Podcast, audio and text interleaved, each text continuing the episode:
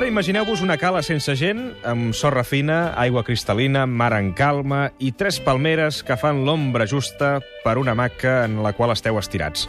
O sigui, imagineu-vos el vostre paradís i ara en aquesta platja paradisíaca imagineu-vos que fa una forta, intensa olor de...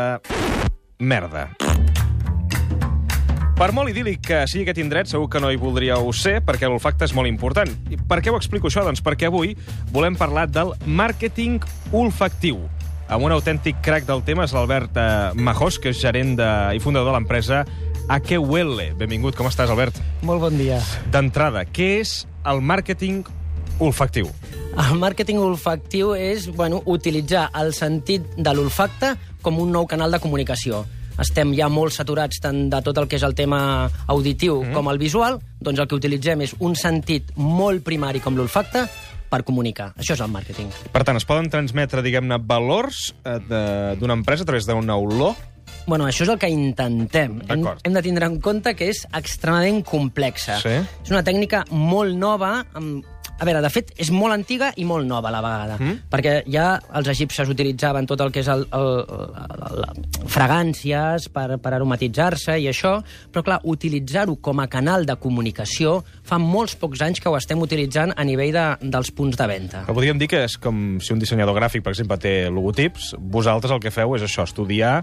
Eh, com seria això? Quin nom tindria? Udotip. Udotip, sí? Exactament. Udotip. Exactament. Es tracta d'això. Fins ara els, els dissenyadors gràfics feien tot el que era la imatge corporativa, doncs nosaltres el que fem és l'olor corporativa de l'empresa o la marca.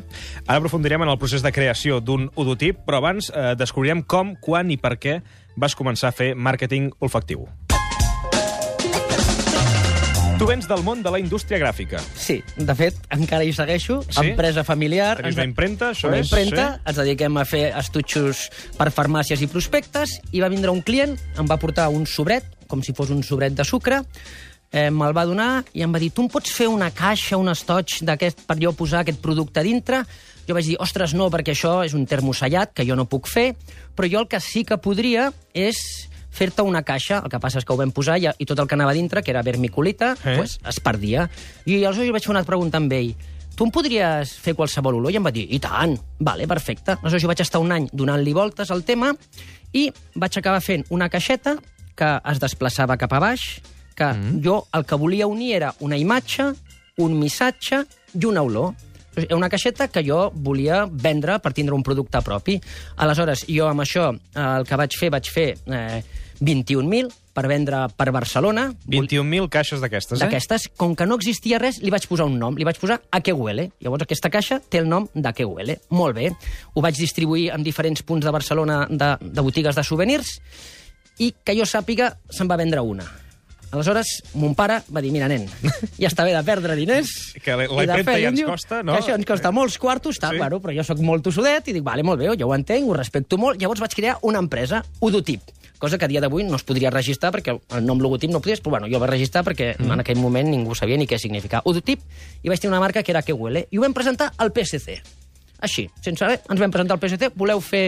I vam fer un calendari el 2008 que va ser supermediàtic. Vam sortir a tot arreu, Amb olor de PSC. amb olor de PSC. I a què fa olor el PSC? El primer partit polític. Mira, justament ara tampoc, si començo a posar-me, em posaré aquí en un terreno complicat. Però, així clar, tu, vas, tu t'havies de posar al cap. Tu, havies de, tu tens un full en blanc i et diuen fes-me un perfum en olor de PSC. No, exactament no. Ells ens que el fan és un, és, és un briefing, ells ens passen que volen transmetre, volen transmetre confiança... Joventut, sap- el no sé què, la, no? Sí, I llavors tots tu, els valors tu que valor- volen. Val. Aleshores, a partir d'aquí, nosaltres el que tractem és d'això transformar-ho en una olor. Tinguem una cosa clara, que el que no, no, no, es pot, no es pot aconseguir és simplement que sense tu tindre cap coneixement de res, jo et dono l'olor i tu dius, això és PSC. Però això ens passa el mateix que amb els logotips. No, no, clar, això és molt complicat. És molt fer. complicat, perquè inclús si agafem el logotip de la caixa amb tot el carinyo del món, quan el, quan el presenten per primera vegada, per molt que sigui Sí. un nen, tirant un, un, una passeta dintre una guardiola, és difícil d'interpretar. Però, per tant, eh, clar, tu per això parles de valor comunicatiu, és a dir, què volem comunicar, quina idea volem donar, i Clar. en això, en aquests termes, tu treballes. Exactament. Però aquesta fragància del PSC que vas fer està feta a base de, de què? Bueno, de, dels, dels valors que ells volien, hi havia Sí? tota una sèrie de, de fragàncies que Que transmetien... eren? La, la recordes? Ara, la veritat és que el 2008, però eren bergamota, hi havia di diferents... Pètals de rosa, no? Sí, pètals de rosa, però no volien, no volien que... Que Fos massa rosa. Que fos massa rosa. Volíem una mica sortir d'aquella imatge... Seria tan lo fàcil, no? Clar, la Seria lo fàcil, no, no, sí, no. sí. És anar a buscar... A veure, que és el mateix que amb una marca, no? Que dius els valors, però és molt semblant. Exactament, exactament. Que moltes vegades, una de les dificultats que tenim és, és que va, abans que vagi olor, també molt el que, di, el que decideix diu, vull que m'agradi. Dic, a veure, que t'agradi no és el valor important. El valor important és que aconseguim transmetre el valor de marca que la teva empresa Clar. vol, vol aconseguir. I aleshores, a partir d'aquí, et van començar a cridar de moltes botigues, per exemple, de Massimo Dutti. Bueno, sí, això ja va ser... Aleshores em van O sigui, trucar... les botigues de Massimo Dutti fan un lot teva? Sí, sí. Fem BMW, Mini, Movistar... A què fa olor un BMW? Un BMW... Bueno, però és que aquí lo interessant és que... No, aquí No, lo interessant m'encanta, és que tenim tant a BMW com a Mini. I dius, els dos són cotxes, però clar, un és com molt més dinàmic, molt més alegre, molt més vital, com pot ser Mini, i l'altre va a buscar tot un segment de mercat més senyor. Ja. I això és el que, a través de perfumistes i dissenyadors gràfics, perquè realment la persona que ho engloba tot no, no existeix a dia d'avui. Estem... Màrqueting olfactiu li queda molt recorregut. I, I aleshores el que nosaltres tenim és perfumistes i dissenyadors gràfics i entre tots creem aquest... Sí, sí, aquesta fragància. Aquesta sí, fragància. Sí. Anem a explicar una mica més el procés creatiu. Com comences tu una idea d'aquestes? Com? Jo vull fer una, una olor de suplement. De suplement. Vale. Va. Aleshores, jo et diria, quin és el teu públic objectiu? Joves. Vale? Perquè aquí hi ha un tema, Sí. un tema et posa un detall molt tonto. Però és molt, és molt important saber, saber qui és el teu públic, perquè si jo al teu públic li vull dir infantesa, si agafo una persona de 45 anys, li posaré nenuco. Si una persona de 80, li posaré la toja, amb la qual és important saber. De 28 a 50. Molt bé, val. Quin tipus d'estatus de, d'estatus socials i què volem transmetre? Ui, són preguntes... Eh... Home, clar, són preguntes que a partir d'aquí nosaltres... Un moment, Sí. jo no te la trauré ara, perquè jo no, soc jo. clar, clar, jo soc clar. qui ho venc. Eh, però que tu m'estàs explicant el procés. Sí, sí, quedem-nos amb el procés i sí, ens fem una idea. El Sí, sí. procés aquest és... Val, definim el públic. Definim el públic, Sí. de, definim què és el que volem transmetre nosaltres, a quin públic anem di dirigits i com volem que sigui el nostre programa, el suplement, mm. quina Gent tendència... d'esperit jove que vol saber coses i Que vol entendre-les. que som frescos... que té inquietuds, No? Sí. que realment vol estar al dia, doncs tot això, aleshores, el que nosaltres és, a partir d'aquí, anem elaborant diferents, el, diferents compostos per tal d'elaborar una fragància que el que sí que farem, us en presentaríem 4 o 5. Perquè, en el fons, tu, en el teu imaginari, sí que tens una idea de l'olor que podria ser. Mm -hmm. Aleshores, eh, sobre les 4 o 5, aquí obrim el ventall i a la que tu et sentis més còmode, després continuem a treballar més perquè és que si no, és Clar. molt difícil. Jo, per exemple, donem classes a, a l'ISABA de màrqueting olfactiu i et dones compte que als alumnes els hi donem uns mollets, coloren i dic, ara posa la pissarra els, difere els diferents com transmetries aquesta fragància. I els companys que es queden a darrere dius, ara averigueu-me quina fragància és. Clar, clar. És que Difícil. no tenim vocabulari, no tenim, i aleshores, clar, per això és important que tu et sentis còmode amb el que anem a Clar, transmetre. hi ha, hi ha clients que us demanen fragàncies allò molt concretes, no? Per exemple, una vegada us van demanar fragància per un pot de llenties. Sí. Però clar, això fa olor de llenties, no? No cal que faci... O Bueno, Que no sí. fan gaire olor les llenties, clar. A bueno, veure. si fas un estofat ja et dic jo el que fa olor, sí, allò. però no és. Bueno, pues ara estem elaborant tot un, tot un procés, perquè si us doneu compte, quan tu vas al supermercat a comprar i compres un desodorant, bueno, un això, suavitzant, sempre la gent obre. Una de les coses més importants no és com actua el suavitzant, és l'olor que fa. Totalment. Doncs tu imagina't, amb el pot de llenties, el que s'està treballant és que el pot tu tinguis un petit per olorar, un, una, una, una pegatina, que obres, faci olor al, al producte, però el producte amb combustió, no quan obres Clar. la llauna, que no és el mateix, i això té una complexitat brutal. Perquè per un costat van tot el que són aromes, que s'utilitzen per alimentació, i per l'altre costat van les fragàncies. I tenen legislacions diferents. Una cosa que tu pots utilitzar amb alimentació no la pots utilitzar amb ambientació, amb la qual cosa és complexa, però és divertit. I en un tanatori també d'Euskadi... Oh, això va ser superdivertit, el tanatori. Va ser molt heavy, però va ser... Com, com, com, com, com ho poses, això? Bueno, perquè és que em van trucar, jo hi vaig anar i jo vaig dir, jo vaig dir, jo vaig dir, lo primero de todo, yo jamás aromaticé un tanatorio. Se lo digo con cariño. Digo, ¿y, y cómo es que has venido? Digo, hombre, me ha llamado, pues si le hace ilusión yo vengo, ¿no? I jo hi vaig anar.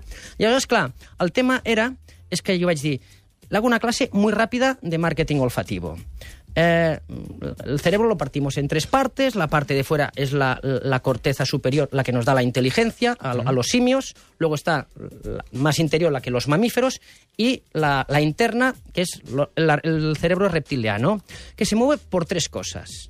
reproducció, Mm. protecció i alimentació. ¿vale? Aleshores, quan nosaltres tenim qualsevol vivència intensa a la nostra vida, tant en positiu com en negatiu, el cos el que fa és segregar adrenalina. I tot l'entorn se'ns queda gravat.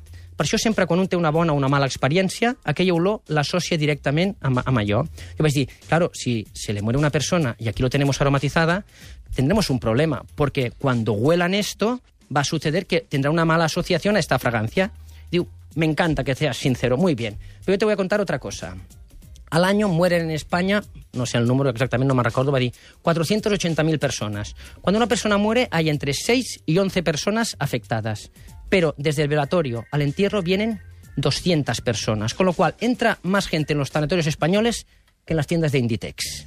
Y nosotros aquí tenemos un crematorio. Y la gente cuando entra en un crematorio, inconscientemente, huele. Huele. Y no puedo dejar eso al azar. Jo he estado en Estados Unidos, allí aromatizan, tal qual. Molt bé, i ho vam aromatitzar. Aleshores, què vam fer? Ells, quan t'entregaven la, la, les cenisses, bueno, Sí. sí, les cendres, Sí.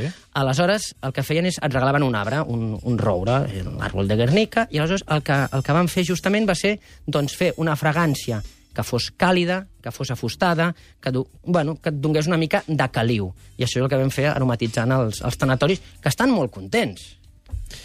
A què huele? És l'empresa que va fundar i la que gerenta l'Albert Majós, que avui ens ha acompanyat al suplement. És que estaria... És que encara fèieu aromes d'una obra de teatre, heu fet, heu fet moltíssimes coses sí, sí. i la gent s'ho busca a través de, del web. Huele, amb, amb K i amb, i amb doble B, doncs ho, ho trobarà.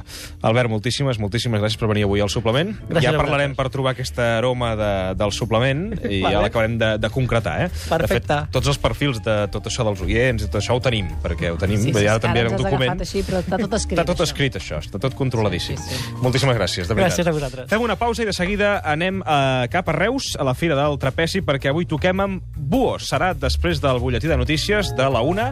El suplement avui toca amb Buos a Reus, a la plaça Mercadal. Fins ara. Definitivament, tu ets un crac.